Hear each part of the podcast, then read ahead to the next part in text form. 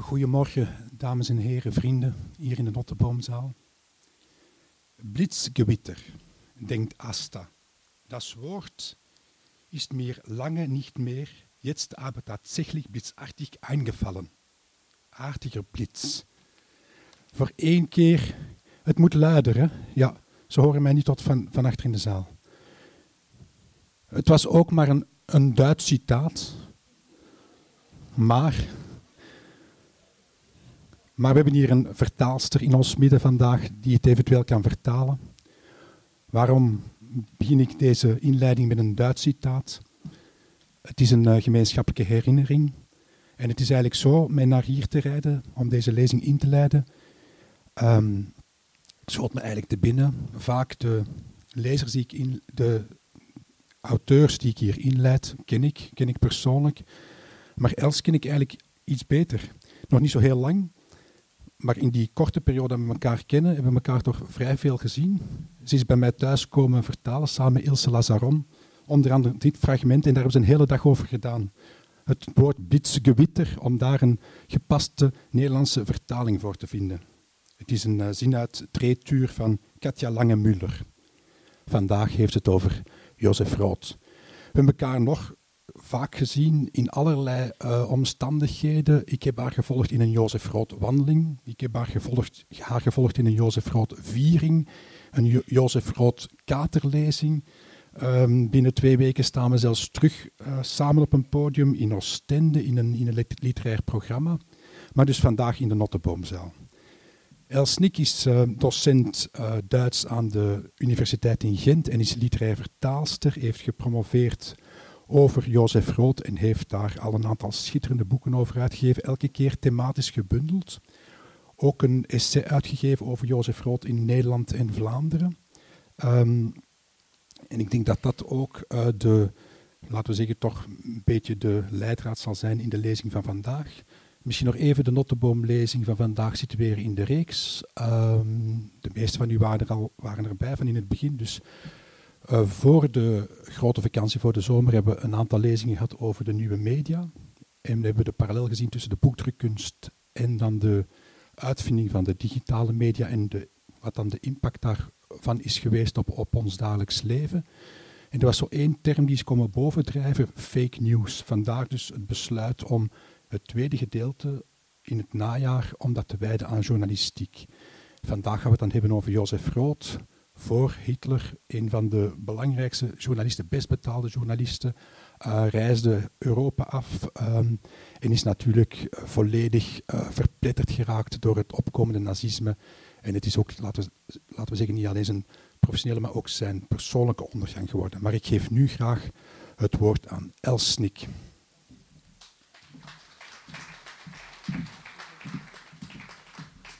Dank u wel voor deze inleiding, Koen. Ik begin ook met een, uh, een tekening van Jozef Rood, die is gemaakt in 1938, november 1938. U ziet een man die getekend is door de drank, een halfjaartje voor zijn dood, die een zelfgekozen dood, een zelfmoord door de alcohol kunt noemen. Uh, die tekening is gemaakt door Mies Blomsma, dat is de naam die eronder staat. Dat was een illustratrice voor de Nederlandse Volkskrant. Um, haar partner, die Miss Blomsma, die was samen met een man genaamd Gert Schreiner. Schreiner was een vluchteling uit Nazi-Duitsland die in Nederland razendsnel de taal had geleerd en een carrière had gemaakt als journalist voor die Volkskrant.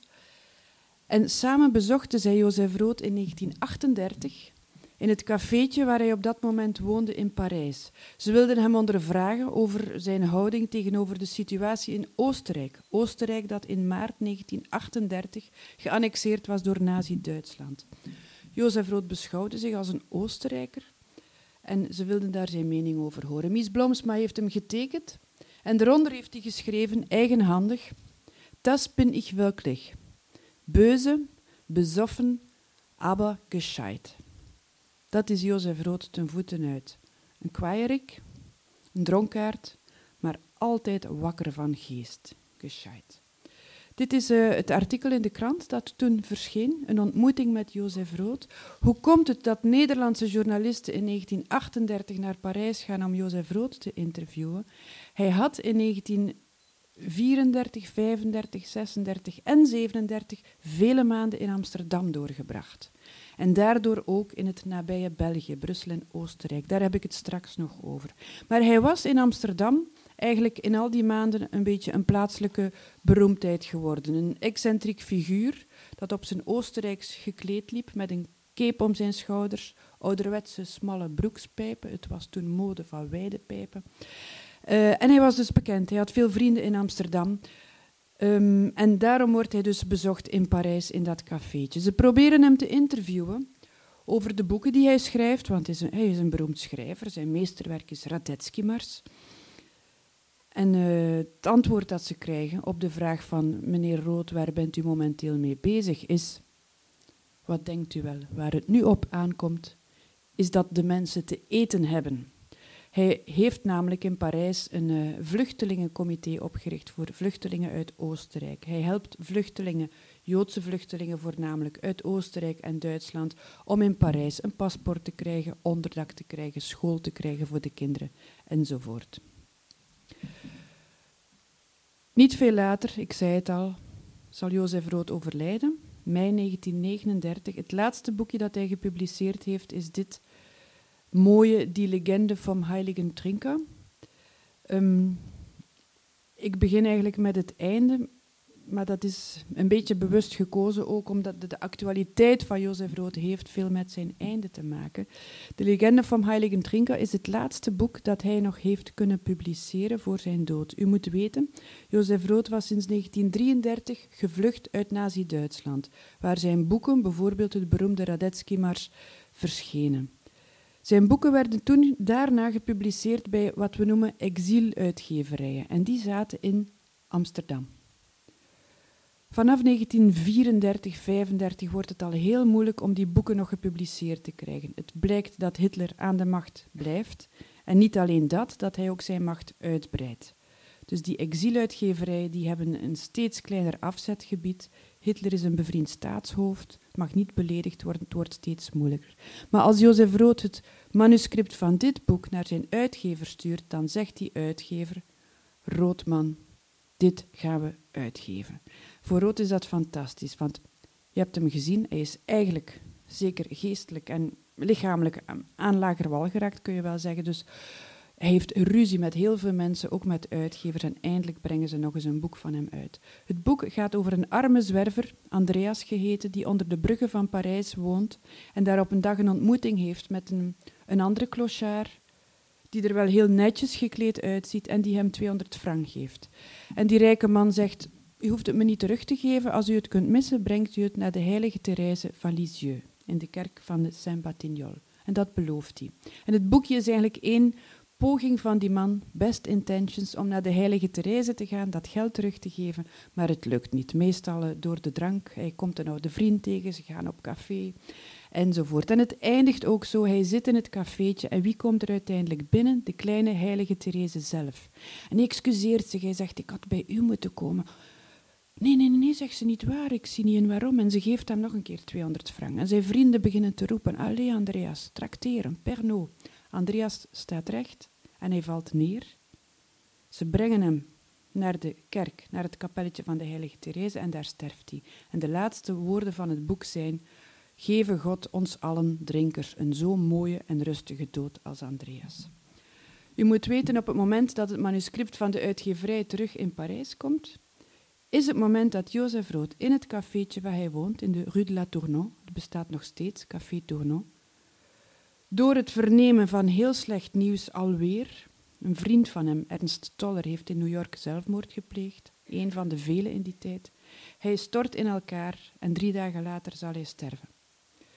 Aan de gevolgen van um, foute behandeling ook, omdat hij in het ziekenhuis niet als alcoholicus behandeld wordt. Hij krijgt een longontsteking, een vreselijke dood, niet zoals zijn Andreas. Ik heb onderzoek gedaan naar Jozef Rood, zoals al gezegd werd. Dus ik heb die briefwisseling tussen de uitgeverij, de mensen in Parijs die voor Rood een beetje zorgden. Dat was voornamelijk mevrouw Stefan Zweig. Stefan Zweig die in Londen woont. Het is u misschien bekend. Jozef Rood en Stefan Zweig, de bekendere auteuren, zeker in die jaren, die hebben er een leven lange vriendschap op nagehouden. In de correspondentie rond de dood van Rood wordt er meteen gezegd van we moeten een persbericht sturen maar we moeten er meteen ook bij zeggen dat Jozef Rood, dat er binnenkort een nieuw boek verschijnt. En waarom heeft nu die uitgever zo positief gereageerd op dat boek? Juist omdat iedereen die Jozef Rood kende daar natuurlijk een ode in zag aan de vriendschap met de rijkere mecenas Stefan Zweig. Het boek is niet zo lang geleden nog een keer opnieuw uitgegeven in het Nederlands en wel in deze versie, een graphic novel. En hier zitten we meteen eigenlijk bij een, een ander speciaal iets van Jozef Rood. Hij is, nog steeds een veelgelezen en geliefd auteur. Hoe dat komt, daar heb ik eigenlijk wel een antwoord voor. Ik ben zijn vertaalster en dat ligt voor een groot deel in ieder geval aan zijn taal. Hij schrijft pittig, fris, actueel in tegenstelling tot veel werken van bijvoorbeeld een Stefan Zweig is hij nog steeds heel erg leesbaar.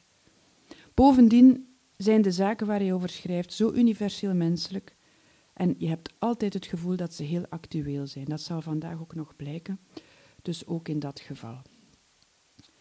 Bij het overlijden van Jozef Rood verscheen er op de voorpagina van de Vooruit, effectief dus een overlijdensbericht. Het artikel dat daaraan gewijd is, is geschreven door Nico Ros met het pseudoniem W. van Elhorst. Misschien zijn er mensen die hem kennen. Om maar te zeggen, dit was dus echt belangrijk nieuws. Hij was een bekend man, zeker in Nederland, maar ook in Vlaanderen en zeker in, in linkse kringen. Dit is Jozef Rood, die u ziet in Oostende.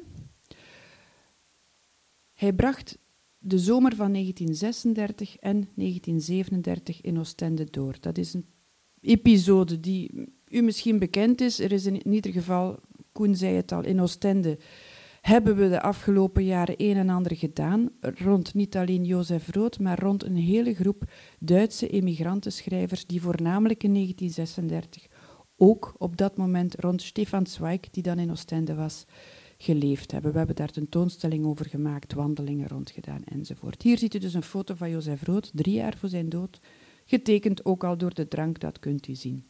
Dit is het uh, hotel waar hij woonde in Oostende op dat moment, Hotel de la Couronne, niet zo ver van het station, vlak voor waar de Mercator ligt. Mercator lag daar ook toen, in 1936 trouwens. En u ziet hem met zijn vriend Stefan Zweig omarmd. Die, dat verhaal is bekend geworden onder meer door een boekje van Mark Schavers, door de roman van Volker Weideman, dat inhoudelijk erg parallel loopt met Schavers. Uh, Oostende, de zomer van de vriendschap heet dat. Die foto is vaak geïnterpreteerd als de, de vaderlijke Zweig die zijn arm om de arme stuurs in de lens kijkende rood. Die wou wellicht absoluut niet op de foto, maar het moest zitten kijken. Dit is een brief die hij geschreven heeft uit Hotel de la Couronne. Het was toen al een hotel dat een beetje op zijn retour was. Mm, een van de dingen die, die de meeste mensen over Rood weten, als ze iets over hem weten, is ten eerste dat hij een drinker was. En ten tweede dat hij de rare neiging had om nooit in een huis te willen wonen. Hij heeft zijn leven lang alleen gesleten in hotelkamers. Wat met zich meebracht dat hij eeuwig en altijd schulden had. Want verdiende hij veel geld, dan logeerde hij in de chicst mogelijke hotels. Maar dus zelfs in, in Oostende huurde hij niet een eenvoudig kamertje. Nee, hij woonde in een hotel de kosten werden betaald door Stefan Zweig. Toen Zweig vertrok, betaalde hij de rekening niet meer en vertrok dan gewoon. Dit is een brief aan een van de uitgevers van de emigrantenkranten die toen bestonden. Want u moet weten, vanaf 1933 is Jozef Rood gevlucht uit Duitsland en verliest hij dus ook zijn uitgeverij, maar verliest hij ook een belangrijk deel van zijn inkomsten als journalist. Hij heeft jarenlang geschreven voor een van de grootste kranten van het Duitsstalige gebied, de Frankfurter Zeitung, vandaag bekend als de Frankfurter Allgemeine Zeitung. En dit is een brief, een antwoord op de vraag van Jozef Rood, waarom schrijf je niet meer voor de krant? We zijn 1936 en Rood zit in een depressie. Net als ook Stefan Zweig. En dat is natuurlijk niet vreemd. Zij zijn Joden, gevlucht uit Duitsland. We zijn 1936, dat is het jaar van de Olympische Spelen in Duitsland. En dat is een jaar waarin Nazi-Duitsland eigenlijk aan geloofwaardigheid wint internationaal. En voor die mensen die sinds 33 op de vlucht zijn, of, of later, en die gehoopt hebben, gedacht hebben van, het zal wel niet zo'n vaart lopen met die Hitler. Of Misschien duurt het maar een paar jaar en die begaat zoveel stommiteiten, die dwaze, die dwaze gek. Kan niet zijn dat dat blijft duren. Net in dat jaar 1936 beseffen ze maar al te goed, het zal blijven duren. Rood in ieder geval, hij is een ziener op dat vlak in zijn werk. En hij schrijft een brief aan zijn uitgever van, wat moet ik nog artikelen schrijven? Ik schrijf geen artikelen meer. In plaats van een artikel schrijf ik u deze brief. En deze brief is ooit dan in de krant, is toen in de krant gepubliceerd onder de titel Stad eines Artikels, in plaats van een artikel. En daarin schrijft hij werkelijk van, het heeft geen zin meer, waarom moet ik nog artikels schrijven? Hij heeft zijn leven lang gewijd aan het schrijven van teksten tegen onderdrukking, opkomen voor de, voor de armen, voor de, voor de kleine man die door de mazen van het net is gevallen. En hij geeft de hoop, in ieder geval voor Duitsland, voor de Joden in Oost-Europa, in Oostenrijk, geeft hij op.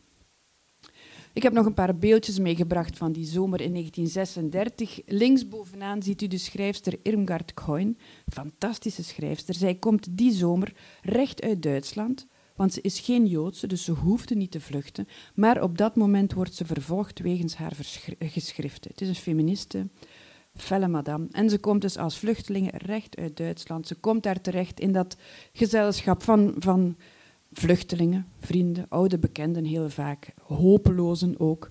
En uh, ze wordt verliefd op Jozef Rood. Ik, wat voor relatie het is geweest, ik wil er me eigenlijk niet te veel bij voorstellen, want ze dronken allebei en ze hebben elkaar daar in ieder geval in versterkt, in de, wanhoop en de dronkenschap.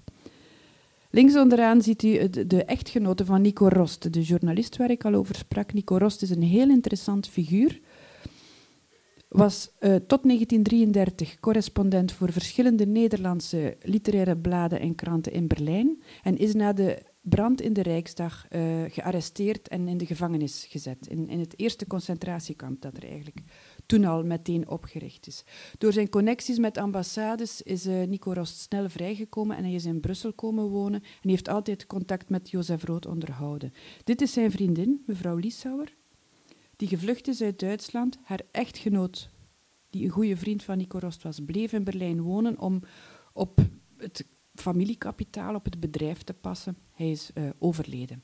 Maar hier ziet u dus uh, mevrouw Liesauer, van wie ik de dochter heb leren kennen. Ik heb dus, nogmaals, ik heb uh, gepromoveerd over Jozef Rood en met, specifiek over de netwerken van rood in Nederland en Vlaanderen. Dus iedereen van wie ik vermoedde op hoofden dat hij misschien nog Jozef Rood zou hebben ontmoet of brieven zou kunnen hebben, heb ik opgezocht. Onder meer de dochter van deze mevrouw Liesauer.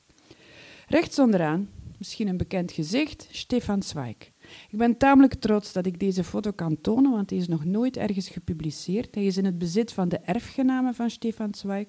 En hij wordt niet gepubliceerd, ze geven daar geen toestemming voor, maar ik mag hem dus wel tonen op lezingen zoals dit. U ziet Stefan Zweig in zijn uh, pension, pension Florial was dat, op de Zeedijk, uh, Albert 1 promenade in Oostende, zicht op zee. Het was een grand seigneur, Stefan Zweig, wereldberoemd op dat moment, um, veel gelezen, ook echt een sterauteur het, pension waar hij zat, voor de mensen die misschien Oostende een beetje kennen, was op de hoek met de Christinastraat. En als je dan de Christinastraat helemaal doorloopt tot aan het station, dan is dat is dan de plek waar Hotel de la Couronne was, uh, waar Jozef Rood leefde, in de stationsbuurt, tussen de ook gore en kleine cafeetjes. De man die in het gezelschap van Stefan Zweig is, is uh, Fuchs, Herman Fuchs en ze spelen samen schaak, een hobby van Stefan Zweig. Fuchs was ook zijn redacteur van het werk waar hij mee bezig was. Op de foto boven Stefan Zweig en Fuchs ziet u Fuchs terug met de vriendin van Zweig, dat is Lotte Altman. In 1936 woont Stefan Zweig al in Londen, maar hij heeft nog zijn woning, het beroemde kasteeltje in Salzburg, waar zijn vrouw met de twee dochters is achtergebleven. Dus er zijn echtelijke problemen. Lotte is meegekomen. Lotte heeft ook de foto's gemaakt van Stefan Zweig. En wie Stefan Zweig, veel mensen kennen het boek Die Welt van Gestan, weten ook dat hij dat geschreven heeft in Brazilië, als een soort afscheid van Europa, van de wereld, van het leven. Hij heeft dan in 1942 samen met Lotte in Brazilië zelfmoord gepleegd. Dit is het Hotel, de uh, Hotel Cosmopolite excuseer, in Brussel. Jozef Rood heeft ook in de jaren dertig als vluchteling langere tijd in Brussel geleefd. Waarom was dat? Het is eigenlijk vreemd, zou je kunnen zeggen, dat hem dat toch nog lukte, altijd in die hotels te wonen. Maar hij kende natuurlijk als journalist, hij had enorme netwerken. En na die zomer van 1936 is hij met Irmgard Coin, zijn nieuwe vriendin, eerst voor de kerstdagen naar zijn geboortestreek gegaan, wat op dat moment Polen is, in het vroegere Oostenrijk-Hongarije. Ik zal u meteen nog een kaart van Europa in die tijd laten zien en nog eens tonen waar hij vandaan komt. Maar goed, ze hebben dus een hele reis gemaakt die geëindigd is in Wenen. In Wenen ging hij nog een keer op zoek naar geld. Hij heeft daar onder meer Marlene Dietrich ontmoet, die manuscripten van, van hem heeft gekocht. dat is teruggevonden in haar nalatenschap. Marlene Dietrich zei ook altijd dat de roman Job van Jozef Rood haar absolute lievelingsroman was. En daar heeft hij in 1938, dat is ongelooflijk, gelogeerd in het Bristol Hotel. Dus hij had geen geld meer, hij had alleen maar schulden overal en hij logeert in het Bristol. En uh, Ilse Lazaroms, collega van mij, waar Koen ook net over sprak, ook een rood onderzoekster, die is onlangs in het Bristol uit eerbetoon, zeg maar, aan rood, iets gaan drinken in de bar van het hotel. En daar kwam ze uh, in gesprek met een van de barmannen en ze begon over Jozef Rood, of die die kent. Ja, ja, ja, wees u gerust dat we die hier kennen. Heeft nog altijd een rekening openstaan, zei die barman. Dus wel, hij is dus uh, geen gemakkelijk man. Dit is een artikel, hij is toen... Hij heeft toen in Wenen wel voor een Oostenrijkse krant, De Österreicher, een opdracht gekregen om in België te gaan schrijven voor die krant. En dus werd zijn reis en zijn hotel nog een keer betaald. Maar hoe komt het nu dat een Oostenrijkse krant in 1937, we zijn in 37, daar geld voor over heeft? In Oostenrijk waren de nazi's als flink aan het lobbyen, aan het opkomen. Maar er bestond ook een beweging, dat is de beweging van de legitimisten, wordt die genoemd. En dat zijn mensen die eigenlijk nooit hebben geaccepteerd dat de keizer in 1918 is afgezet. Dus zij blijven trouw aan de keizer. En hij schrijft voor een legitimistische krant. En hij schrijft een stukje. Het gaat over rellen in de straten van Brussel. Naar aanleiding van de amnestiewet. Dus er wordt hier geijverd om amnestie te verlenen aan mensen die gecollaboreerd hebben tijdens de Eerste Wereldoorlog. En Jozef Rood, ik denk niet dat hij zich erg gedocumenteerd heeft voor de hele kwestie. Hij heeft het over Walen en Vlamingen en links en rechts. En in ieder geval de clue van het verhaal is, er wordt gevochten in de straten en de, de, de betogende massa's trekken naar het paleis van de koning. De koning verschijnt aan de poort en hij zegt tegen de mensen, ik ben de koning, ik, ik kan zoveel niet doen, maar gaat u toch allemaal rustig naar huis en alles komt weer goed. En zo geschiedde. En de laatste zinnetjes van zijn stuk zijn, ik moet eventjes goed kijken, Glückliches Belgien, es hat einen König armes Österreich, es wartet auf seinen. Dus hij schreef natuurlijk ook voor zijn broodheren. Hij beweerde op dat moment dat hij een katholiek was ook. Hij dweepte met het katholicisme, met het oude Oostenrijk. Hoe dat komt, zal nog wel blijken. Dit vind ik een heel mooie foto. Mocht iemand een idee hebben wat we hier zien, vind ik zelf een van de, van de ja, verbazingwekkende aspecten van, van de dingen die ik heb ontdekt. Dit is een foto van de kinderen van keizerin Zita en keizer Karl, dus de laatste Oostenrijkse Habsburgers. Otto von Habsburg is de oudste, nog niet zo lang geleden overleden, een jaar of vijf geleden overleden, is conservatief politicus geworden op, tot op hoge leeftijd in Beieren. Oostenrijk mochten zij niet binnen. Ik ga eventjes de... En deze foto is gemaakt, excuseer, in Steenokkerzeel. De keizerlijke familie van Oostenrijk had op dat moment politiek asiel in Steenokkerzeel in België gekregen. Dus ik ga even terug in de tijd. De Eerste Wereldoorlog begint in 1914. En je hebt in Oostenrijk uh, Frans Jozef, die al heel lang aan de macht is, meer dan 60 jaar, de oude keizer, door Rood magistraal geportretteerd in de roman Radetzky-mars. Frans Jozef sterft midden in de oorlog 1916. Uh, zijn wettelijke erfgenaam Rudolf is al vele jaren eerder gestorven, zoon van Frans Jozef en, Elisabeth, Sissi. Zijn tweede troonopvolger, Frans Ferdinand, is neergeschoten in Sarajevo. Dus de derde in, in, voor de opvolging is een, zekere Karl, die getrouwd is met, uh, met Zita. En dat zijn hier hun twee, vier, zes, acht kinderen. Zij moeten in 1918 Oostenrijk uit. Oostenrijk verliest al die kroongebieden, wordt alleen nog het, het kleine Alpenlandje en wordt een republiek. En de de keizerlijke familie moet vluchten.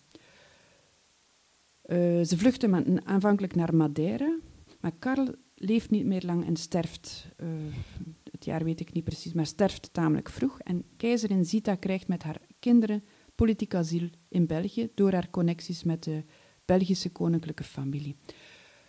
De oudste zoon Otto van Habsburg studeert hier uh, in België rechten en is op dat moment 21 jaar en klaar om terug te keren naar de troon in Oostenrijk. Het klinkt voor ons, omdat wij het verhaal kennen van hoe de oorlog verder is gelopen, dat het tot een oorlog is gekomen.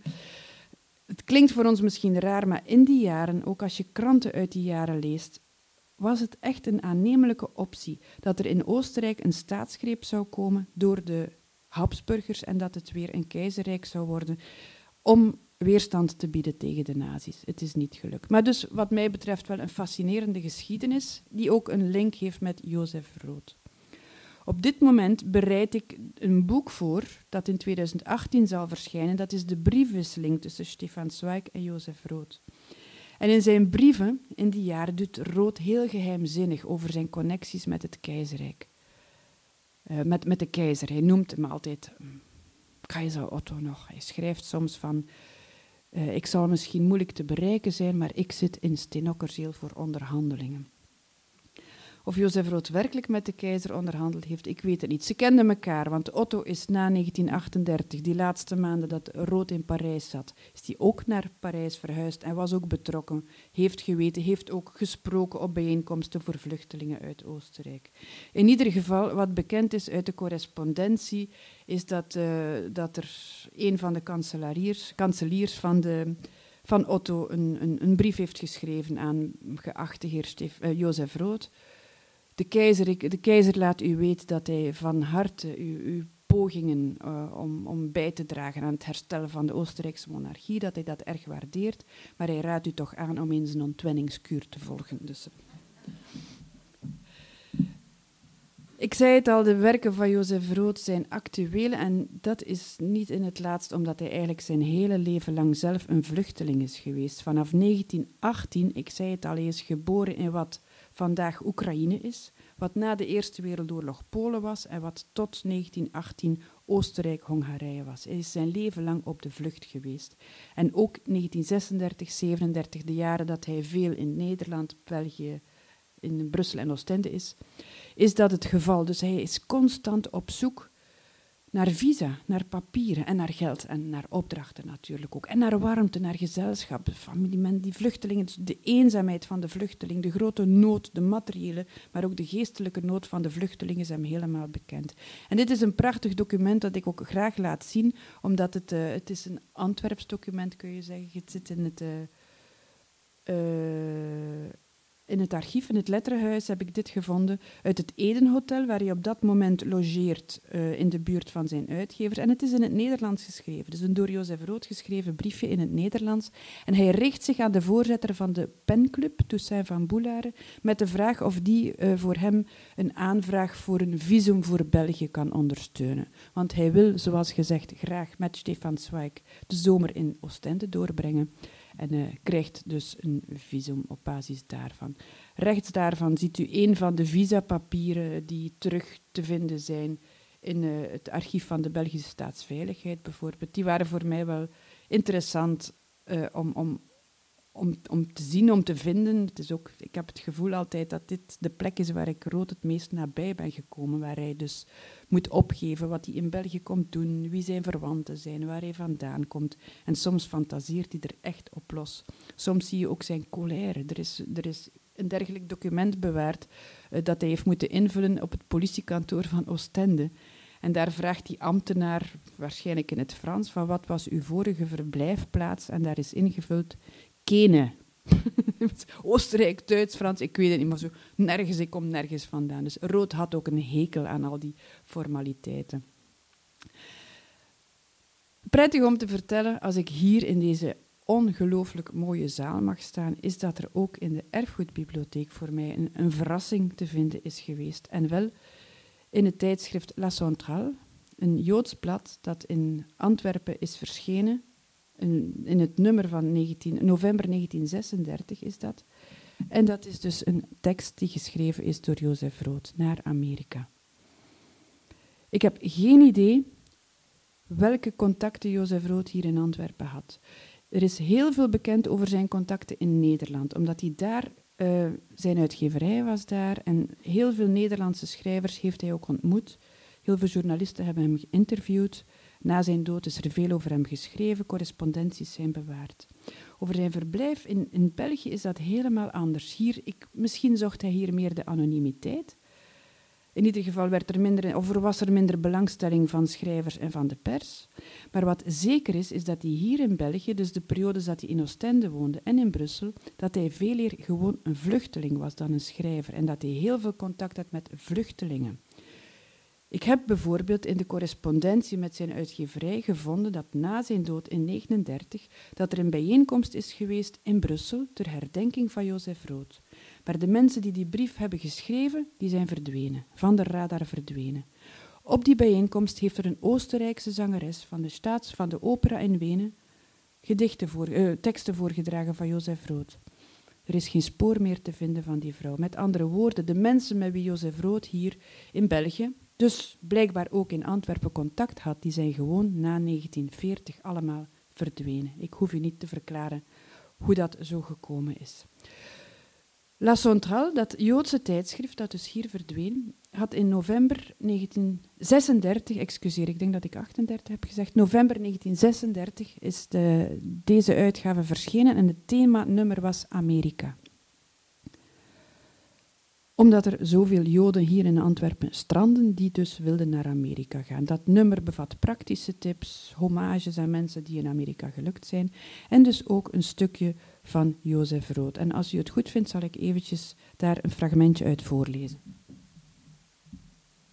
Het is namelijk uh, verschenen in een van de bundels die ik heb uitgebracht met teksten van Jozef Rood. Dus het, het is zo de romans van Jozef Rood die verschijnen eigenlijk al sinds 2009 bij uitgeverij Atlas.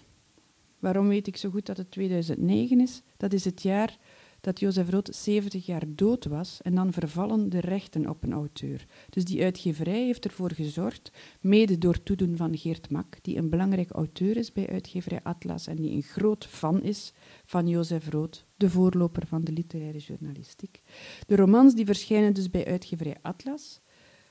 Wat ik na mijn proefschrift heb gedaan, is die gigantische hoeveelheid journalistiek werk die nog te wachten ligt, die soms nog niet uitgegeven is in het Duits, maar zeker niet in het Nederlands, om daar teksten uit te kiezen, boeken mee te maken en die te publiceren, te vertalen ook. Eén daarvan heet Joden op drift. De basis van dit verhaal is een, een, een reeks die Jozef Rood heeft geschreven in 1926 over um, de situatie van de Joden in Oost-Europa en West-Europa. Hij kent de Joden of het leven van de, van de Joodse bevolking in Oost-Europa zeer goed, omdat hij maandenlang heeft gereisd door de Sovjet-Unie in 1926. Maar natuurlijk ook omdat hij zelf een Oost-Jood is. In onderscheid tot bijvoorbeeld een Stefan Zweig, die een Weense Jood is, geïntegreerd, rijk ook en anders van mentaliteit. Um, naar Amerika, ja, dat is dus geschreven in 1926. Maar Jozef Rood heeft er in 1937, eigenlijk al eerder, hij heeft er een nieuw voorwoord bij geschreven in 1936. En hij probeert dat boek over de Joden die uit Oost-Europa naar het Westen emigreren en die dan ja, dus hij beschrijft de Joden eerst in, in, in Rusland, Oost-Europa, maar dan ook in Berlijn, in Wenen en in Parijs. En als die, die teksten van 1925, 26, dan blijkt dat ze het eigenlijk wel goed hebben. Bijvoorbeeld in Frankrijk, in Berlijn klaagt hij aan dat de, de, de, de gevestigde Joden, de Joden van de Koerfurstendam, de rijke Joden, die hij, hij mag dat, die zou-Joden noemt hij, hij, hij beschimt hen echt, omdat ze hun arme, arme broeders die als vluchteling uit het oosten komen, niet, niet, niet willen accepteren, niet willen toelaten. Maar hij schrijft dus tien jaar later een nieuw voorwoord bij die bundel en wil hem weer publiceren, maar hij vindt geen enkele uitgever nog bereid om dat te doen. En ik lees een stukje uit die versie van 1937, ergens middenin. Dus dat tweede nawoord dat hij geschreven heeft, dat nooit gepubliceerd is, maar hier wel in de bundel Joden op drift is opgenomen. En het, het is mij er ook om te doen om te wijzen op de grote actualiteit van dat werk. Als er een catastrofe gebeurt, gaan mensen hun buren door de schok meteen helpen. Dat is het effect van acute catastrofes. Maar chronische catastrofes kunnen buren zo moeilijk verdragen dat die catastrofes en de slachtoffers hun langzaamaan, langzaamaan koud laten en zelfs onaangenaam worden. Duurt de waanzin te lang, dan verdwijnen de hulpvaardige handen in de zakken. Dan dooft het vuur van de barmhartigheid. Talloze hulpcomité's zijn opgeheven, al dan niet vrijwillig. Een paar genereuze weldoeners kunnen niets beginnen tegen de massale ellende. Voor de zogenaamde intellectuele uitgeweken Joden zijn alle Europese landen als plaats om te werken gesloten en ook alle kolonies. In zo'n wereld is het onmogelijk dat emigranten werk of brood krijgen, maar het is bovendien onmogelijk dat ze ergens zogenaamde papieren krijgen. En wat is een mens zonder papieren? Minder dan een papier zonder een mens. De Volkenbond heeft nu een dienst die de papiertoestanden van de Duitse emigranten moet regelen. Alleen, we kennen de Volkenbond. Zijn logge administratie en de gouden ketenen waarmee de handen van zijn ook goedwillende gevolmachtigden gebonden zijn. Enzovoort. Ik ga niet, niet te lang maken, want ik wil graag nog een paar stukjes voorlezen, uiteraard. Maar dus, Jozef Rood, een band met deze bibliotheek, een band met Antwerpen. Eventjes dus toch de kaart erbij genomen. U ziet hier Oostenrijk-Hongarije, het einde van Oostenrijk-Hongarije. In het bruine gedeelte rechtsboven ziet u staan Galicië. Dit is het kroonland waarin Jozef Rood is geboren. De meest rechtse stad daar staat er met de Duitse benaming Lemberg. Tussen haakjes eronder staat er Lvov, Lviv, vandaag ook. En u ziet, Jozef Rood woonde in een stadje nog 60 kilometer oostelijker dan Lviv. Een, stadje genaamd Brody dat op de grens met het Russische Rijk lag. Als we vandaag conflicten hebben in uh, Oekraïne, heeft dat alles met deze voormalige grens te maken. West-Oekraïne is het gedeelte dat vroeger tot Oostenrijk-Hongarije heeft behoord. Oost-Oekraïne is het gedeelte wat de Russische cultuur heeft, traditioneel een Slavisch gebied is. U ziet daar ook um, de enorme afstand tot Wenen, ik moet zelf eventjes zoeken, Wenen onder de, onder de O van Oostenrijk, ziet u Wenen liggen, duizend kilometer ver. Jozef Rood is geboren in 1894, dus in dat verre Lemberg, zonder vader. Zijn vader is meteen uit beeld verdwenen. Daar verzint hij ook van alles over in die visumaanvragen. Soms maakt hij van het beroep van zijn vader een kolonel te paard en soms een dronkaard die in de psychiatrie is overleden. U heeft hem niet gekend. Was heel ambitieus, groeit dus op in een meertalig gebied waar Oekraïens, Pools, Russisch, Jiddisch en Duits wordt gesproken. Hij groeit op in een Duitsstalig Joods milieu, is enorm ambitieus, literair begaafd, dat is al heel snel duidelijk. En hij krijgt de kans, in Oostenrijk kregen de Joden gelijke kansen en hij mocht gaan studeren, daardoor in Wenen prachtige kans voor hem, fantastisch. En hij zou gegarandeerd daar een academische carrière hebben opgebouwd, ware het niet dat het jaar van het begin van zijn studies 1914 is. In 1914 is Jozef Rood een pacifist. Hij wil niet naar het leger. Maar twee jaar later denken hij en zijn vrienden van als wij deze oorlog niet zelf meemaken, dan zullen wij, als wij later schrijvers willen worden, journalisten willen worden, iets gemist hebben. Dus hij geeft zich op voor het leger. Hij wordt fysiek afgekeurd. Hij gaat niet onder de wapens, iets wat hij nooit zal vertellen. Maar goed, we weten dat hij een administratieve functie krijgt in Galicië, zijn geboortestreek. En daar, hij is heel jong, hij is 20 jaar oud. Het is een streek die werkelijk geteisterd wordt, net zoals wij het hier kennen in Vlaanderen in de Westhoek. Verschrikkelijk gevochten. Duizenden, duizenden, duizenden soldaten die afgevoerd worden. Hij ziet het allemaal, hij maakt werkelijk de gruwel van de Eerste Wereldoorlog mee, zij het niet als frontsoldaat. En dat zal hem heel erg bepalen in zijn denken en in zijn werken. Jozef Rood wordt heel vaak gelezen vanuit de kennis die wij hebben over, over, over zijn biografie, namelijk dat hij een Jood is geweest die heeft moeten vluchten voor, voor, voor Hitler. Maar eigenlijk heeft hij zelf, hij is gestorven in 1939, Hij heeft de Duitse machtovername niet meer meegemaakt. En ik, mij lijkt het veel interessanter, of in ieder geval ook heel interessant, om zijn werk te interpreteren vanuit die, dat grote trauma van de Eerste Wereldoorlog. Zijn eerste boeken, het allereerste boek dat hij heeft gepubliceerd, is uh, in een krant verschenen in 1923 in feuilletonvorm. Pas heel veel later ook als boek na zijn dood. En dat is de eerste roman, die heet Het Spinnenweb, dat is Spinnennets, waarin het personage Adolf Hitler voorkomt. Dus überhaupt in de wereldliteratuur. En niet veel later zal Hitler ook in München een staatsgreep plegen. Dus rood is werkelijk een, een ziener, kun je zeggen. Veel schrijvers zijn dat. Maar dat is echt wel een van de mooie bewijzen. De boeken die u hier ziet, zijn ook alle twee in het Nederlands vertaald. Dus recent nog, zoals ik al zei, bij uitgeverij Atlas. Hotel Savoy, Vlucht ohne Ende. Hotel Savoy, Vlucht ohne Ende, dat zijn twee boeken typisch voor deze eerste jonge Jozef Rood als romancier. Romanliteratuur loopt bij hem ook altijd parallel met wat hij schrijft voor kranten, om de broden. Hij zou heel graag rijk zijn, zoals Stefan Zweig, en puur van zijn pen voor de literatuur kunnen lezen. Dat gaat niet. Maar dus ook daarom is hij zo interessant. Ook daarom is hij een voorbeeld voor heel veel literaire journalisten van bij ons. Grote uh, niet alleen bij ons, maar internationaal. Omdat dat dus sterk verweven is. En hierin vind je Hotel Savoy bijvoorbeeld, dat, dat gaat over een hotel in, in Polen. Het is in, in de stad Łódź, het bestaat echt. Waar mensen terechtkomen na die catastrofe van de Eerste Wereldoorlog. Gehavenden, soldaten, artiesten. En ze vinden een soort nieuwe eenheid in, in dat hotel. Je kunt natuurlijk ook heel makkelijk, 1918 is het einde van Oostenrijk-Hongarije.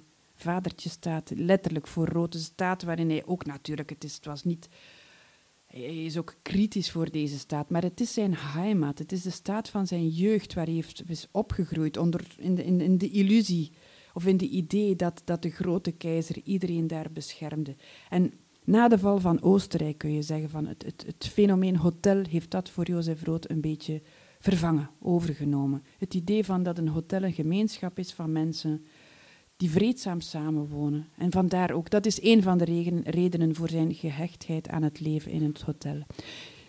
Die vlucht ohne ende, u hoort het al in de titel, het gaat ook over, over vluchtelingen. In dit geval over iemand die uh, na de Eerste Wereldoorlog uit krijgsgevangenschap in Rusland er jarenlang over doet om via Wenen terug te keren en dan uiteindelijk in Parijs belandt. Altijd een heel sterke autobiografische trekken ook.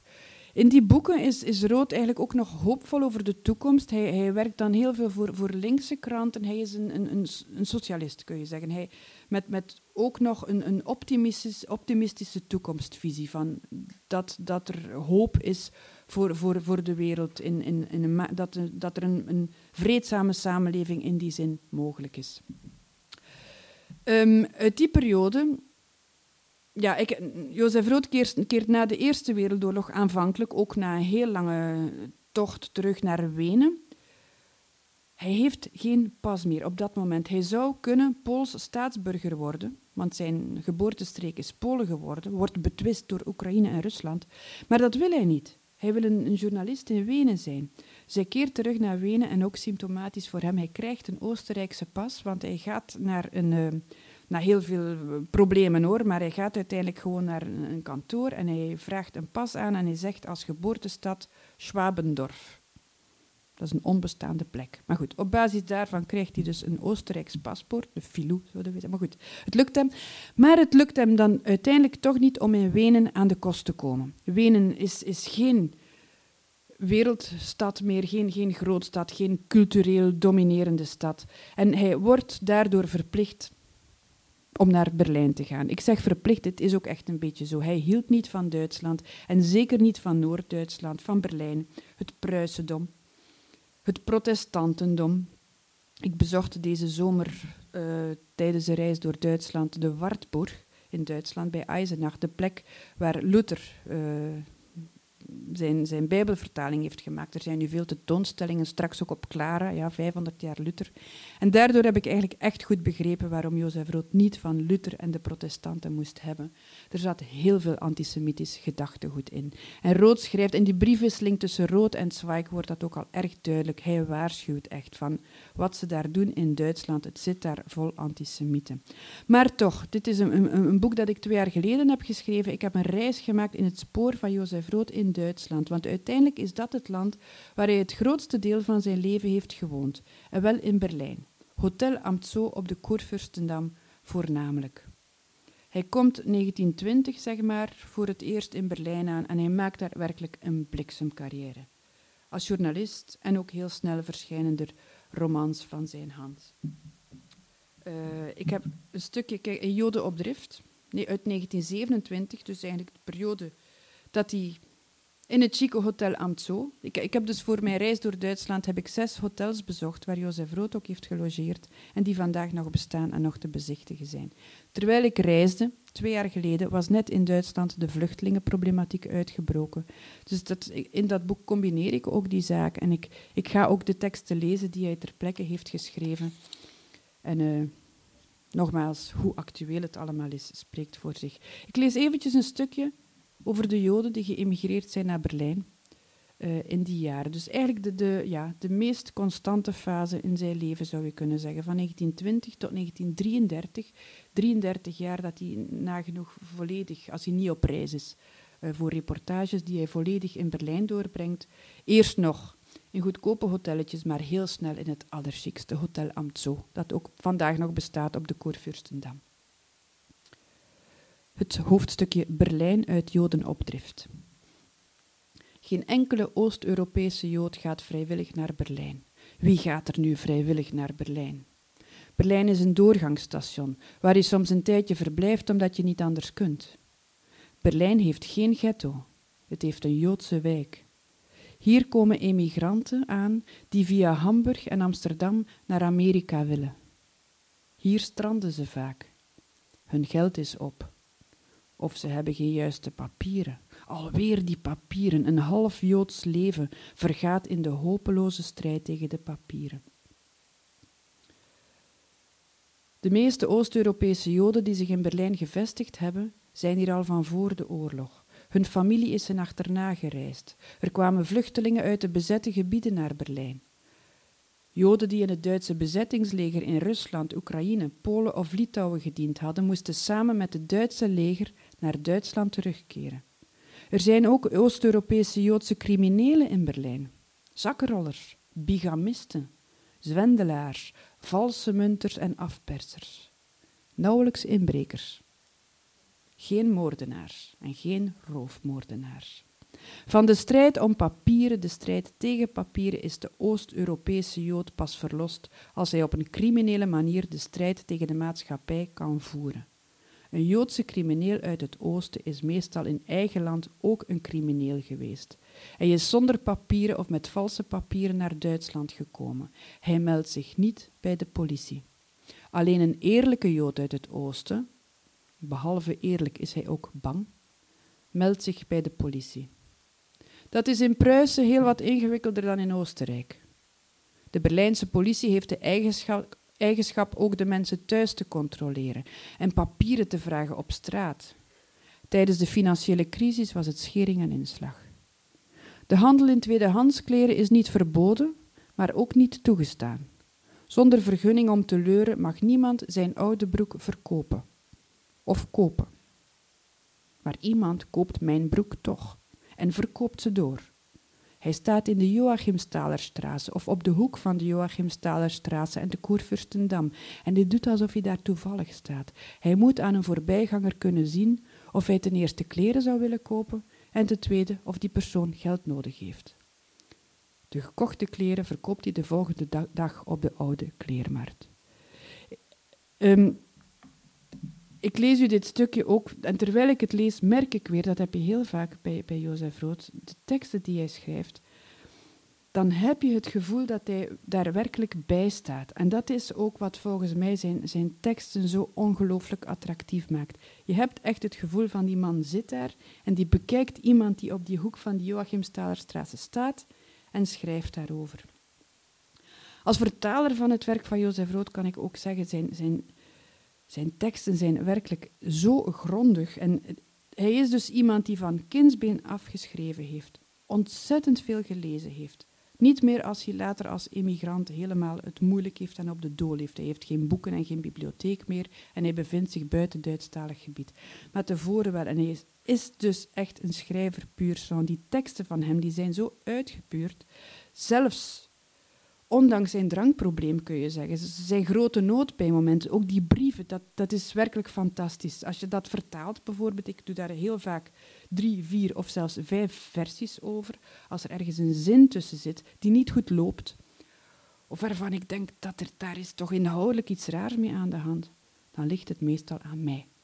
Bij rood klopt het. Dan heb ik ergens een dubbele betekenis over het hoofd gezien, een ironie niet juist begrepen of ik moet gewoon, dat, dat doe ik ook vaak in die vertalingen, maar eigenlijk is dat een onderwerp op zich. Hoe vertaal je Jozef Rood? Soms kies ik ook in mijn vertaling um, voor het ritme. Soms zal ik een bepaald woord misschien vertalen door een woord dat niet 100% equivalent is met het Duitse, dat erop, maar voor het ritme. Want het voorlezen gaat bij Rood ook makkelijk.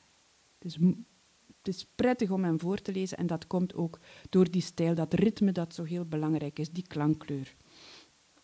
Dus dat terzijde eigenlijk uh, uh, even over mezelf, die reis die ik heb gemaakt. We zien hier een Jozef Rood in uh, zijn gloriejaren op de Koerfürstendam met zijn vrouw Friedel. Hij is getrouwd geweest van 1922 tot aan zijn dood. Maar ze zijn heel kort samen geweest. Friedel was een, een, een, meisje uit Wenen, een stuk jonger dan hij. Ze was pas 18 toen ze trouwden. maar ze was um, geestelijk ziek zwak. En met een man als Jozef Rood was dat niet echt een, een, een, een, zorgeloos bestaan dat haar geboden werd. Dus zij is eigenlijk al vanaf 1924 komt zij regelmatig in psychiatrische instellingen terecht en uiteindelijk al heel snel 1925, 26 definitief. Zij is een van de redenen van zijn grote schuldenlast ook natuurlijk. Je, je, ziet misschien op deze foto linksboven, als je ziet, niet zo, geen tien jaar later zit hij al in, in, in Oostende met gezwollen hoofd, gezwollen ledematen. Dus heel snel is dat gegaan. Hier zie je nog een heel mooie, modieus geklede Jozef Rood. Hij is een verzamelaar van, van dure objecten, zakhorloges. heel graag doet hij aan zijn vrienden een gouden zakhorloge cadeau waar dan de naam in gegrift staat, bijvoorbeeld. Met Hier rechtsonder zie je Jozef Rood en Friedel, zo heten ze, in Parijs. Hij is op dat moment, dat is de mooiste tijd van zijn leven, uh, correspondent in Parijs voor de Frankfurter Zeitung. Het is voor hem vanuit Berlijn een beetje een droom. Ik heb u al gezegd, met, met Duitsland had hij het moeilijk. Binnen Duitsland viel Berlijn nog het meest mee. Als Jood kon je daar nog verstoppen. Maar van als hij in Duitsland gaat reizen, zeker op het platteland, dan wordt hij gewoon geraakt, verschrikkelijk hard geraakt door dat antisemitisme dat hij overal merkt. Frankrijk is voor hem een beetje het land van zijn dromen. Hij, hij, hij gelooft dat daar eigenlijk een toekomst ligt. Hij, hij, is te optimistisch, zoals we zullen weten, zoals achteraf blijkt. Um, maar als hij daar terechtkomt, dan. Ik, ik zal even een, een, brief lezen die hij heeft geschreven als na zijn aankomst in Parijs. Kijk, dat is 1925. Het gaat op dat moment al slecht met, uh, met zijn vriendin. En ze is bij momenten ook al terug bij haar ouders in Wenen. Een brief uit Parijs die hij aan zijn uitgever stuurt. Beste vriend, in Frankrijk is de lente begonnen en de weerprofeet van dit land, Abbé Gabriel, zou mooie paasdagen voorspeld hebben. Kom naar Parijs, hier is zoveel te beleven.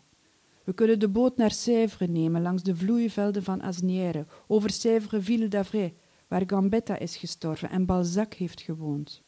We kunnen het beroemde park van Saint-Cloud bezoeken, Eigenlijk eerder een aristocratisch bos waar alles al in bloei staat en vanaf het plateau heel Parijs te overzien is. kunnen kijken naar het vrolijke gekrioel van haar schoorstenen en naar de blije en statige dans van haar torens. Zou u Versailles, Malmaison of Saint-Germain willen zien, of de oude kathedraal van Saint-Denis, overal vindt u plaatsen die van geschiedenis doordrenkt zijn, gecultiveerde natuur die zich met elegante trots naar de menselijke wil heeft gevoegd. Humane landschappen waar verstand uitblijkt, wegen die weten waarheen ze gaan, heuvels die hun eigen hoogte lijken te kennen, valleitjes die met u zullen koketteren enzovoort. En daarna hij eindigt, bezoeken we Deauville, het chique, nu nog verlaten, in ieder geval weinig interessante kuuroord. En daar kunnen we rechtstreeks de trein naar Parijs nemen. Hij doet er vier uur over. Lijkt u dat geen mooi vooruitzicht? Kom hierheen en wacht vooral niet te lang. Hij schrijft prachtige stukken over Frankrijk. Eventjes ook wil ik nog de inleiding lezen van een stukje zo actueel over een bezoek aan de slagvelden van Saint-Quentin, Perron en de Maisonnette. Frankfurter Zeitung, 2 mei 1926. Nog steeds rijden er touringcars naar de slagvelden. Grote, comfortabele, van alle luxe voorziene touringcars. De firma Cook doet al wat ze kan om haar reizigers lichamelijke schokken te besparen. Ze doet alleen een mentale schokken. 120 frank per dag en per persoon kost een rondrit. Acht jaren van vrede hebben zich al uitgespreid over de velden van eer. De wereldoorlog is al een beetje saai geworden. Maar voor 120 frank nog altijd een voordelig uitstapje. In grote, comfortabele luxe kaars gaan mensen naar de slagvelden. En dan beschrijft hij die slagvelden, de bomen die langzaam weer tot leven komen, de karkassen van huizen, waar langzaam weer bewoning in tevoorschijn komt. Heel mooi. U merkt ook die stijl van. Het zijn, het zijn heel veel droevige boeken die ik vertaal, maar eigenlijk ligt er ook altijd een laag van ironie over waardoor je heel vaak ook met, met de glimlach zit te lezen. Ik ga eventjes, dus na, hij is in 19, ja, 1925 zit hij in Frankrijk, de tijd van zijn leven, behalve dat hij al grote zorgen heeft om zijn vrouw. Maar hij verliest die baan. En hoe komt dat? Hij is natuurlijk is een onbetrouwbaar iemand, levert vaak te laat zijn teksten in, is ook vaak te kritisch over Duitsland in zijn teksten. Dus het is niet zo duidelijk hoe het is gekomen. Eén ding is zeker, hij is die baan verloren. Hij is daar woest om. Echt heel kwaad. Hij vindt het verschrikkelijk. En ter compensatie krijgt hij in 1927 van de Frankfurter Zeitung een reis aangeboden, een, een reportagereeks die hij mag maken over de Sovjet-Unie. Het is een boek waar ik momenteel mee bezig ben over Jozef Rood in de Sovjet-Unie. Uh, 1927. En hij komt dus in de prille Sovjet-Unie. Hij wordt daar met veel egaars ontvangen. Hij is ook daar, zijn werken zijn al vertaald in het Russisch.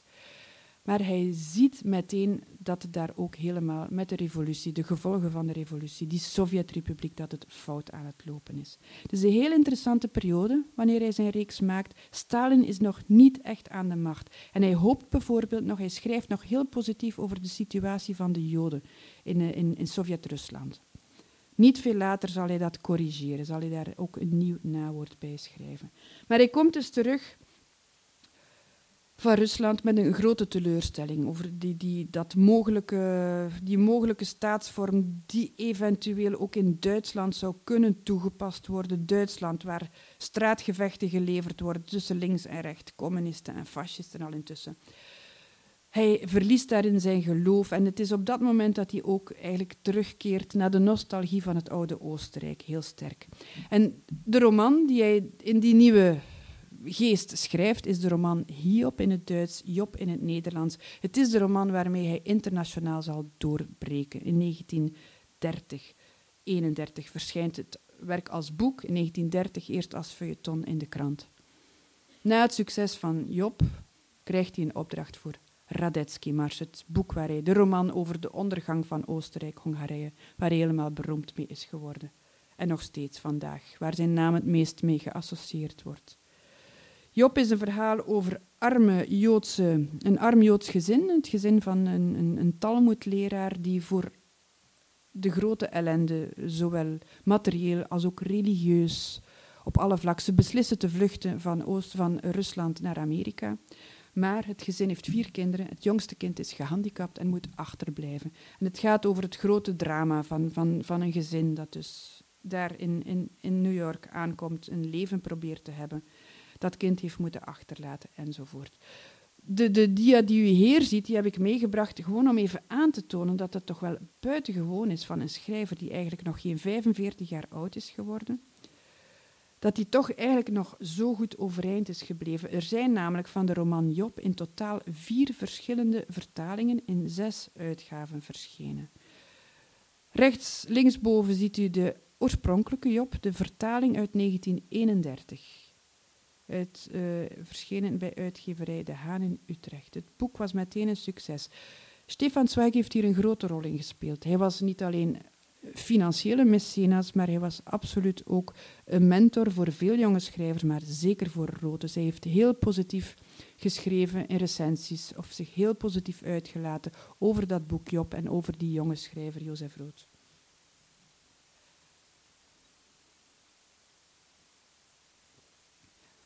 Job was een groot succes en nog hetzelfde jaar als uh, het uh, boek van uitgeverij Haan verschijnt er een, in de Erika-reeks, dat is een goedkope boekenreeks van de Wereldbibliotheek, een heruitgave al. De derde Job die u ziet, dat is een, een, Prisma Pocket. Ik heb veel mensen die ik heb ontmoet in mijn zoektocht naar oude bekenden, misschien van Rood, die hebben Jozef Rood op die manier leren kennen.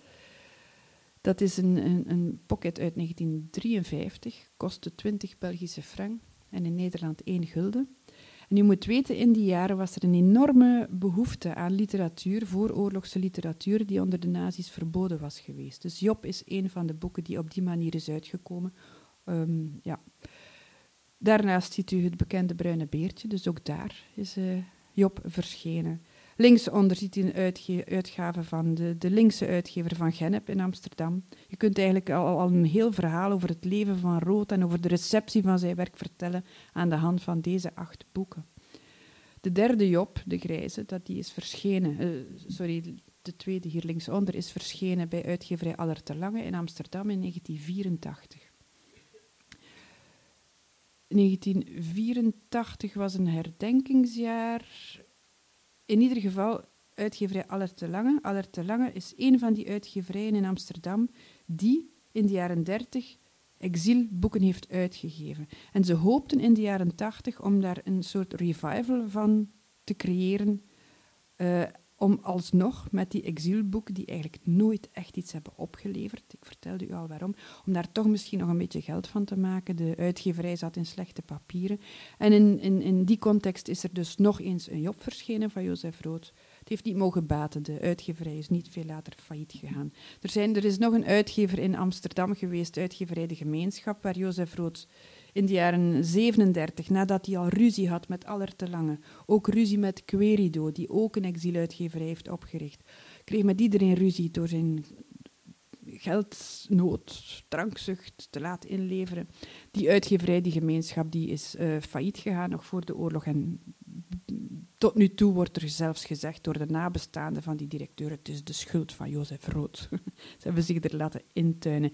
Een van de redenen waarom zoveel uitgevers dan toch Jozef Rood wilden uitgeven, was het volgende. Toen hij in 1933 naar uh, uit Duitsland wegvluchtte, dus toen Adolf Hitler in 1933 aan de macht kwam, is Rood meteen naar Frankrijk gegaan.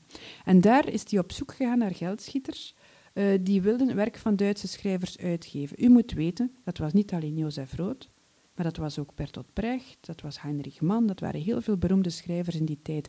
En Jozef Rood vertelde dus, zij vond snel in Amsterdam geldschieters met Joodse links heel vaak, zoals bijvoorbeeld Querido.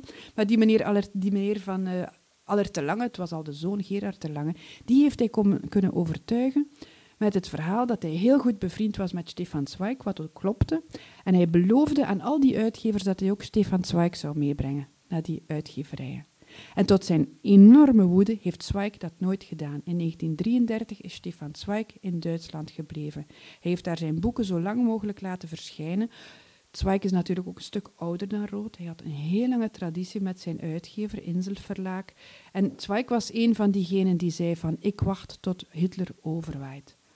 Uiteindelijk is hij dan, zijn zijn boeken ook verboden in Duitsland. Maar toch, dat was een van de conflicten tussen hen. Dus bij Aller te Lange, Aller te Lange is failliet gegaan. En ook de gemeenschap Querido, ze hebben dus... Ze zijn allemaal heel kwaad geweest op Jozef Rood. De, Job, de twee Jobs die u daaronder ziet, dat die passen in de reeks waar ik al over sprak bij uitgeverij Atlas.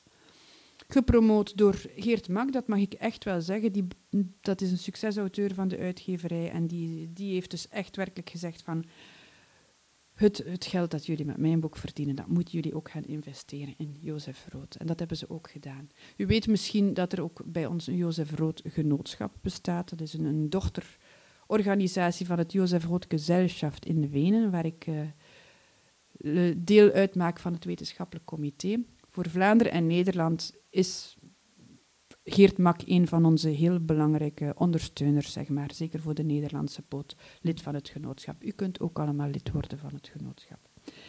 Deze Job is dus verschenen in het kader van die reeks. Dus de uitgeverij die naar aanleiding van 70 jaar overlijden zegt van wij zullen zorgen dat wij het volledige werk kunnen uitgeven. En dan de, de uiterst rechtse Job onderaan is een pocketversie ook nog eens daarvan. Oh ja, dit is een kleine uh, uitstapje dat ik met u wil maken. Ook nog, dus we zitten in 1931. Jozef Rood heeft succes met Job. Maar hij heeft problemen, heel veel schulden. Ook al een nieuwe vriendin in Berlijn die ook twee kinderen heeft. En um, hij, hij, hij slaagt er niet in om de, de deadlines voor Radetzky Mars te halen, want dat moet in de kranten verschijnen en dat lukt hem niet. En Stefan Zweig nodigt hem uit om mee te gaan voor een schrijversverblijf in een heel chic hotel in Hotel du Cap d'Antibes. En daar zal Rood verliefd worden op het meisje dat u in het midden van deze foto ziet. Zij heet Marie Gillet de Pélichy en zij is een Vlaamse. Zij woont in Brugge, in het kasteel van Snellegem bij Brugge. En eventjes misschien gewoon toch ook weer iets, iets mijn verhaal dan over, over, over het, het, genot om met Jozef Rood bezig te zijn als onderzoeker. Heel recent, nog maar vorige zomer, heb ik een brief gekregen. Ik vertel eerst het verhaal. Hij wordt verliefd en ik ken het verhaal nu ook. Ik ben er weer mee bezig door die briefwisseling.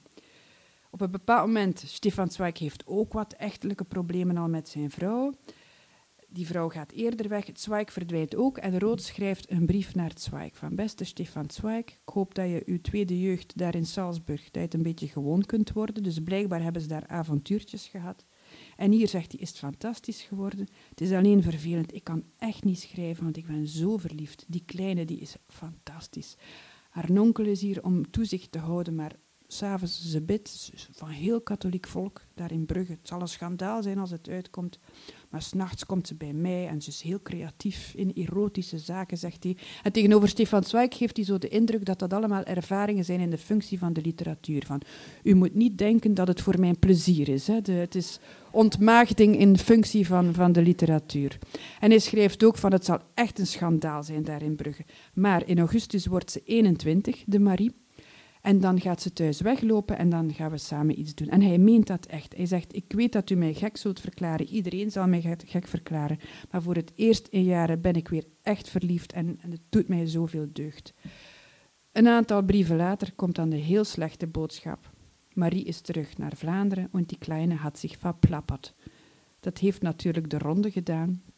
Um, ze wordt opgesloten in een klooster en dat heb ik nog kunnen achterhalen met mijn onderzoek. Ik, ik, vond geen contact tot haar familie. Ik begreep ook wel dat die mensen niet happig waren, maar ik heb daar dus over geschreven. Uh, ze is getrouwd met een Brusselse zakenman en dan uh, is het onduidelijker wat er van haar geworden is. Tot ik dus vorige zomer een brief krijg, een e-mail van een man die zegt: Ik ben uh, de kleinzoon van Marie-Gillet de Pélichy. En wij horen in het Frans, schreef hij mij, dat u over, onze groot, over mijn grootmoeder, dus over de moeder van mijn moeder, hebt geschreven. En wij zouden u graag ontmoeten. Dus ik daar naartoe, een adres in het Brusselse met een bang hartje. Ik dacht, die adellijke familie. Het, is eigenlijk een, een ongelooflijk verhaal dat ik daar te horen heb gekregen. Ik heb dus de vier nog levende kinderen van Marie-Gillet de Pélichy, die waren daar samen. En die vertelden mij dat ze een afschuwelijke jeugd hebben gehad. Ze hadden een vreselijke moeder die aan de drank was, die haar kinderen folterde, mentaal en lichamelijk. Ze sloeg. Ik zag daar vier getraumatiseerde mensen. Maar het vreemde aan het verhaal was, zij wisten natuurlijk niet, ze wisten dat haar moeder hun moeder gedwongen was in een huwelijk. Ze wisten niet precies waarom, maar er waren natuurlijk geruchten die ze hadden opgevangen. En het familieverhaal was dat hun moeder een affaire had gehad in Antibes met Stefan Zweig. Omdat dat natuurlijk de grote beroemde schrijver was waarvan iedereen wist dat hij in Antibes zat. Maar het pijnlijke is dat bijvoorbeeld die man, die zo getraumatiseerd is dat hij geweigerd heeft om zelf ooit een gezin te stichten of kinderen te hebben, alles gelezen heeft van Stefan Zweig, in de hoop ook therapeutisch daar een oplossing, een antwoord te vinden op de vraag waarom ze zo'n vreselijke moeder hebben gehad. Ze heeft trouwens vijf kinderen gekregen op vijf jaar tijd. Dat hij zelfs naar Brazilië is gegaan om de plek te zien waar Stefan Zweig heeft zelfmoord gepleegd. En dan horen ze van mij ineens van het was niet Stefan Zweig, het was Jozef Rood, een schrijver die ze kenden, want zijn belezen mensen. Dat een heel bijzondere ervaring. Dat, dus die Marie haar leven heeft het dus ook compleet kapot gemaakt. Het moet ook al een bijzonder geweest zijn. Hoor. Rood vertelt ook vreemde dingen over haar in zijn brief. En blijkbaar, de vader was in 1930 al overleden. De moeder stond er alleen voor met, met de hele nest kinderen. En Marie was opstandig en moeilijk. En, ehm, hoe, ben ik te weten gekomen dat het om die familie gaat? Want in de brieven van Rood, hij schrijft Pelichy, maar niemand heeft dat na zijn dood kunnen ontcijferen. Maar hij schrijft van, die, het wordt een schandaal daar in Brugge. Die moeder is burgemeester van het dorp waar ze woont. En op die manier heb ik die familie kunnen achterhalen. Want een vrouw die burgemeester is in 1931, dat kan eigenlijk bijna niet. En zo via de genealogie van de adellijke families heb ik haar kunnen traceren. Dus die vader was gewoon kasteelheer in Snellegem en bijgevolg automatisch burgemeester van Snellegem. Na zijn dood was de moeder dan burgemeesteresse, zeg maar, in Snellegem. Dit kleine uitstapje ook. De link met Vlaanderen maak ik graag natuurlijk. Dit is de roman Radetzky Mars die dan uiteindelijk verschijnt in 1932. Het is meteen een groot succes. Rood beschrijft daarin het verhaal van drie generaties von Trotta. Een verhaal dat parallel loopt met de ondergang van Oostenrijk-Hongarije. Hij zou op dat moment werkelijk rijk kunnen worden. Er worden 40.000 exemplaren verkocht, derde druk. Filmrechten zijn verkocht in Hollywood. Maar wat gebeurt er in Duitsland? U kent het beeld. De boeken van Jozef Rood worden verbrand. Zelf, hij wordt niet verbannen. Nee, hij is er heel trots op. Hij geeft hier zelfs interviews en hij zegt: Mijn boeken zijn niet verbrand in Duitsland. Ik heb zelf beslist om er weg te gaan. Dat vond hij heel belangrijk. Zijn boeken werden wel degelijk meteen verbrand. Dit is Emmanuel Querido met het, uh, het het huis in Amsterdam, waar de uitgeverij nog steeds gevestigd zit, is Querido zelf een telg uit een Portugees-Joodse vluchtelingenfamilie, geeft die boeken uit. Nochtans, in zijn fonds zat er heel weinig Duits. Querido gaf heel weinig Duitse boeken uit. Hij had het echt niet met Duitsland. Maar het moment dat dus die vluchtelingen naar Nederland komen, beslist hij. En dat staat ook te lezen in dat krantenartikeltje dat toen verscheen, 1933. Uh, de NV Emanuel Queridos uitgevers te Amsterdam heeft aan haar uitgeverij een Duitse literaire afdeling toegevoegd, waarin het komende jaar de nieuwe werken van Alfred Dublin, Leon Feuchtwanger, Emil Ludwig, Heinrich Mann, Jozef Roth, Arnold Zweig en anderen verschijnen. En dan verder staat er ook dat er een tijdschrift zal verschijnen, uh, die Sammlung onder toezicht van André Gide, Aldous Huxley en Heinrich Mann, geredigeerd door Klaus Mann. En je ziet de naam Stefan Zweig wordt dan nog een keer herhaald. Dat is echt iets waarmee uitgepakt wordt. Dan uh, ga ik, ik kijk even op de klok. Ja, ik ga er snel eventjes een overzicht nog geven van de boeken die ik heb gemaakt. Over het leven van Jozef Rood als hotelmens heb ik uh, reportages uit kranten verzameld, samen met brieven die dat thema behandelen. Je krijgt hier eigenlijk een overzicht van zijn leven ook, want ik zei het al, vanaf 1918 dan kan hij nog geen hotels betalen, maar hij brengt wel al zijn dagen door in, in de lobby van het hotel of in de cafés. En dan heel snel maakt hij dus die, die, die klim Leeft hij op veel te grote voet? Geeft hij, als hij geld verdient, geeft hij het uit? Psychologisch hebben sommigen dat verklaard, sommige biografen, als dat met zijn arme jeugd zou te maken hebben. En dan vanaf 1933 komt hij als emigrant zonder geld in Parijs terecht. Zekere periodes ook in Oostende, in Brussel en in Amsterdam. En hij eindigt in 1939 in een mansardekamertje boven Café Tournon aan de Jardin de Luxembourg in Parijs tweede bundel die verschenen is, heet De Blonde Neger en andere portretten. Dat zijn portretten van mensen, ook alweer verzameld tussen 1919 en 1939. Het titelverhaal gaat over een man die hij ontmoet in, in, uh, in Duitsland in 1923. Alweer dat cruciale jaar dat Hitler de macht zal proberen te grijpen. Het is het jaar waarin um, Duitsland bestraft wordt, omdat het slaagt er niet in om de verschrikkelijke herstelbetalingen van de Eerste Wereldoorlog te betalen. En het Roergebied wordt bezet door soldaten uit België en Frankrijk. En het Franse leger heeft ook zwarte soldaten. En voor de Duitsers die al zo kwaad zijn over de nederlaag uh, van, van, van het verraad, de, de, de dolkstootlegende van de Eerste Wereldoorlog, voor hen is het nog een veel grotere vernedering dat er zwarten ook nog eens de zwarte smaad wordt dat genoemd, hun land komen bezetten. Joden op drift, daar heb ik het al over gehad. Met uw voorwoord Geert Mak, ik zei het al, voor, ik, uh, ja, voor 2009 kun je zeggen was Jozef Rood een schrijver die gekoesterd werd onder schrijvers. Je zult nauwelijks een schrijver vinden die niet zegt ik ben grote fan van Jozef Rood. Tommy Wieringa, Stefan Hermans, Arnon Grunberg. Soms maar op. Grunberg geeft nu trouwens een boek uit met als ondertitel Hotelmens, wat ver verwijst naar Jozef Rood effectief. Voorwoord van Geert Mak. In het land van de eeuwige zomerreportages uit Frankrijk is de met het Jozef Roodgenootschap herdenken wij elk jaar de sterfdag van Rood, 27 mei in Amsterdam. En het is ons dus gelukt om eigenlijk al vijf jaar op rij telkens dan met een nieuwe bundel uh, op de proppen te komen. In het land van de eeuwige zomerreportages over Frankrijk is het meest zonnige boek van Jozef Rood. Ik heb jullie al gezegd waarom. Het is ook Misschien daardoor het grootste succes geweest. Er zijn vier drukken, 4000 exemplaren van verkocht. Dat stemt mij natuurlijk heel erg blij. En de uitgever nog meer. En ook hoopvol, waardoor we dus meteen het plan hebben opgevat. Ik zei het al, ik bereid momenteel voor privédomein, waar ook Stefan Zweig, Die Welt van Gestan, is verschenen, bereid ik de briefwisseling voor van Jozef Rood en Stefan Zweig. Maar dus bij deze uitgeverij Bas Lubberhuizen verschijnt in mei 2018 dit boek, bestaat nog niet. De cover is er al, klopt niet helemaal. Jozef Rood, Spoken in Moskou, reportages en brieven uit de Sovjet-Unie, met een voorwoord van Tom Lanois en illustraties van Gerda den Dove. Misschien had u het herkend. De titel zal nog veranderen. Het worden reportages en brieven uit Rusland, om de heel prozaïsche reden de uitgever zegt, mensen vinden een boek veel sneller op het internet als ze Rusland moeten intypen. Of ze gaan blijkbaar sneller Rusland intypen dan Sovjet-Unie. Mij maakt het niet uit. Ik ben al lang heel erg blij dat er nog maar eens een Jozef Rood zal verschijnen met prachtige tekenen erin. Dus uh, dat is te verwachten. Voor mei 2018. Voilà, ik heb al een hele tijd gepraat. U mag vragen stellen. Want ik heb gezien dat er geheel in overeenstemming met de auteur waar ik over heb gepraat, glaasjes met alcoholische dranken klaarstaan. Maar misschien heeft, wil iemand van u eerst nog iets vragen. Dank u wel. Of u kunt me ook straks aanspreken bij de borrel.